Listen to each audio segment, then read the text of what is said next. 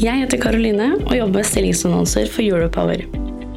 Europower har mer enn 7000 abonnenter, og podkasten du nå lytter til, har mer enn 300 ukentlige lyttere. Hvis du er på jakt etter ny jobb, se stilling.europower.no. Ta også gjerne kontakt med meg dersom du ønsker å annonsere ledige IT-stillinger i fornybar energibransje. Livestreamen og podkasten er produsert av Europower Partner, og redaksjonen i Europower har ikke medvirket i denne produksjonen. Du lytter til lyden fra en livestream i regi av Energiakademiet. Dersom du ønsker en karriere i en bred energibransje, så bør du ta en kikk på energiakademiet.no.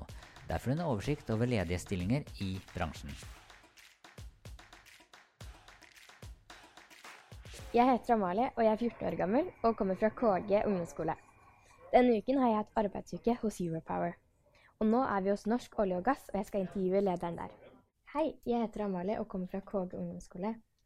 Eh, jeg har arbeidsuke hos Europower, og i dag har jeg vært så heldig å få lov til å intervjue deg. Du kan jo starte å fortelle litt om deg selv.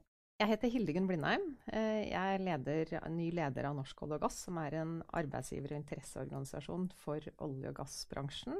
Og havvind og CCS og havbunnsmineraler. Så vi har veldig mange selskaper som driver med mange ting.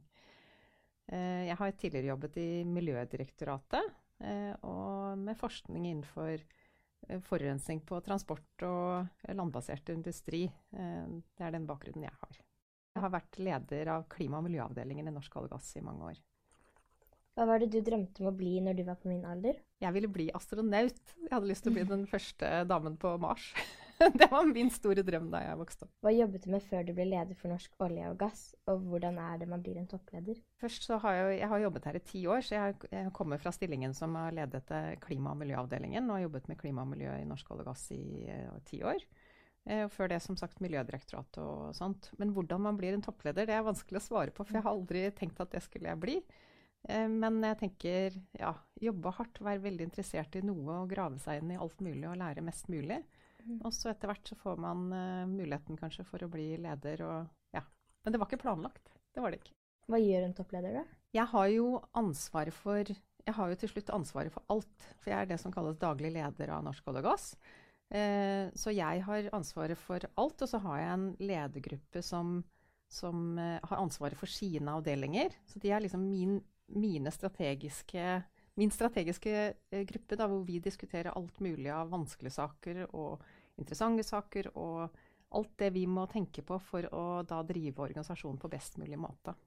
Hva er Norsk olje og gass? Vi er en interesse- og arbeidsgiverorganisasjon. Dvs. Si at uh, deler av det vi gjør, er både det å lede forhandlingene om lønnsforhandlinger eh, i bransjen. Eh, en annen ting er at vi jobber med alt mulig av saker for å spille inn til myndighetene om regelverk eller eh, rammebetingelsene som, eh, som, næringen skal ha, om det så er på olje og gass eller havvind eller CCS. Mm. Vi, vi, har diskusjoner med politikere på hvordan kan man få til det vi ønsker å gjøre.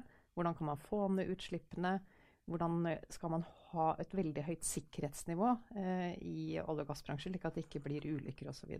Mange sier jo at norsk olje og gass er en mektig lobbyorganisasjon. Men hva gjør en lobbyorganisasjon? En lobbyorganisasjon, eh, er, det, det, er jo det som er interesseorganisasjonen. Da. Det vi gjør, er jo at vi da prøver å utarbeide grundige svar på hvordan vi mener vi det er fornuftig å utvikle næringen videre.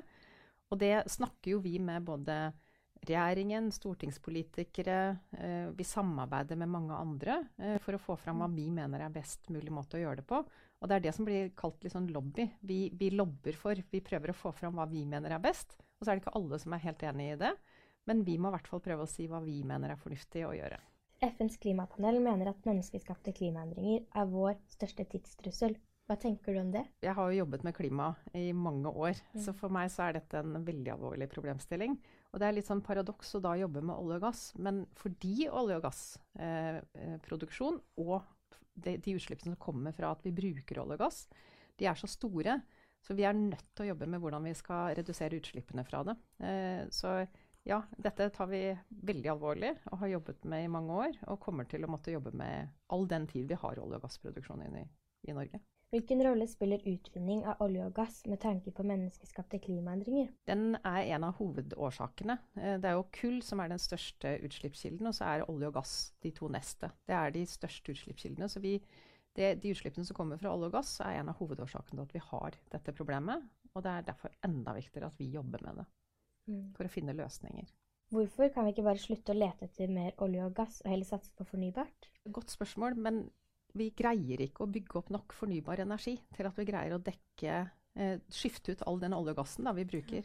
Det tar litt for lang tid. Eh, om det så at alle skulle bruke elbiler, så kunne vi ha brukt mye, mye mindre olje.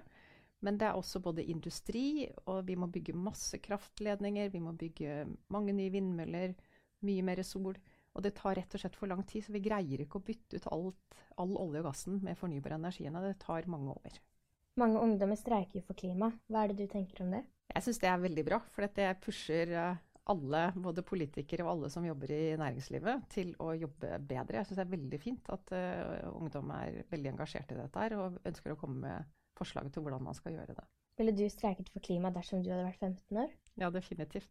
Dattera mi også streika for klima, så Du lytter til lyden fra en livestream i regi av Energiakademiet. Dersom du ønsker en karriere i en bred energibransje, så bør du ta en kikk på energiakademiet.no. Der får du en oversikt over ledige stillinger i bransjen. Det er jo krig i Ukraina. Hvorfor fører krigen til høyere priser på gassen vi selger? Det er, for det er jo helt tragisk, den krigen som skjer i Ukraina nå. Eh, det som har skjedd i EU nå, er at de ønsker eh, å bruke mye mindre russisk gass fordi Russland har invadert Ukraina.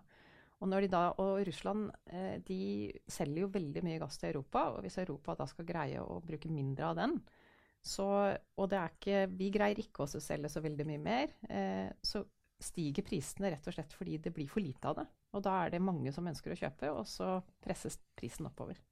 Hvor mye penger tjener Norge på krigen i Ukraina?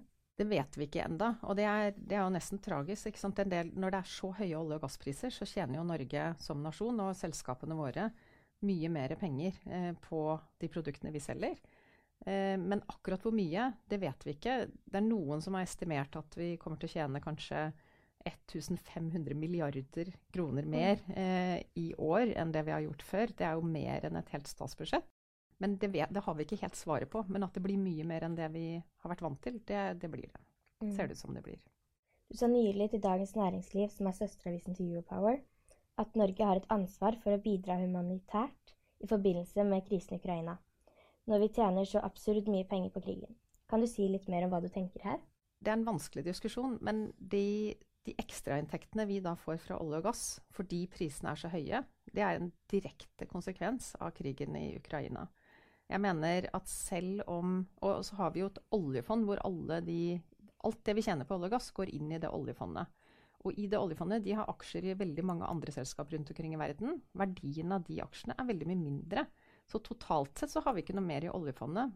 Men vi ville hatt mye, mye mindre hadde det ikke vært for de ekstrainntektene fra olje og gass.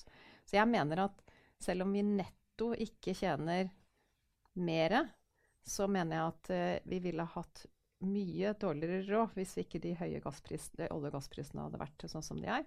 Og jeg mener vi da derfor har et uh, moralsk og etisk ansvar for oss å bistå Ukraina human, humanitært uh, framover.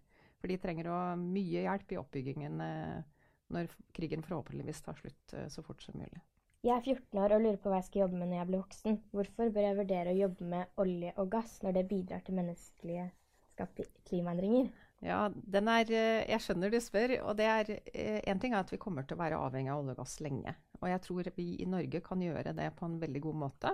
I tillegg så jobber jo vi eh, Veldig mange av de som jobber med olje og gass, de har sånn kompetanse de, hvis de utdanner seg innenfor det. F.eks. en geolog da, som utdanner seg Hvis du hadde utdannet deg som geolog for å prøve å finne mest mulig olje og gass, så kunne du like eh, mye jobbet med å finne steder hvor vi kan lagre CO2 under havbunnen. For det er akkurat samme utdannelsen du trenger for å skjønne hvor vi kan lagre CO2-en.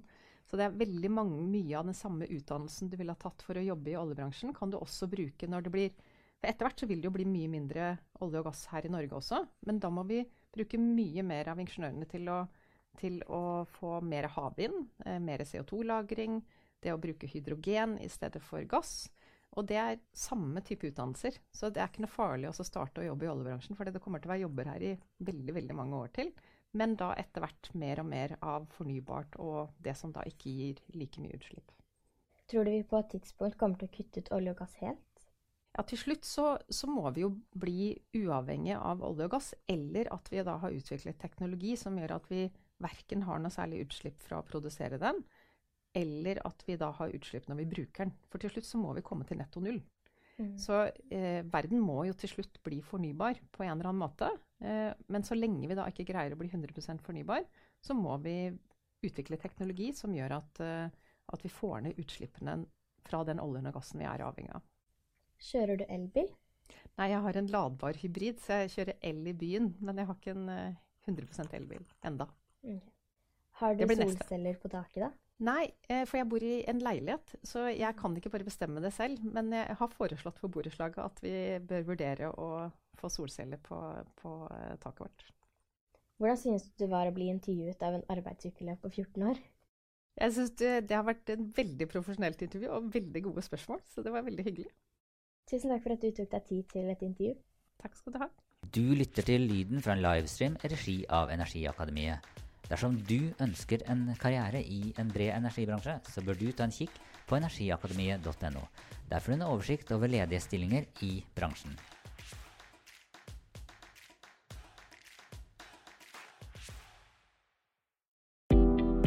Jeg heter Karoline og jobber med stillingsannonser for Europower. Europower har mer enn 7000 abonnenter, og podkasten du nå lytter til, har mer enn 300 ukentlige lyttere. Hvis du er på jakt etter ny jobb, se stilling.europower.no.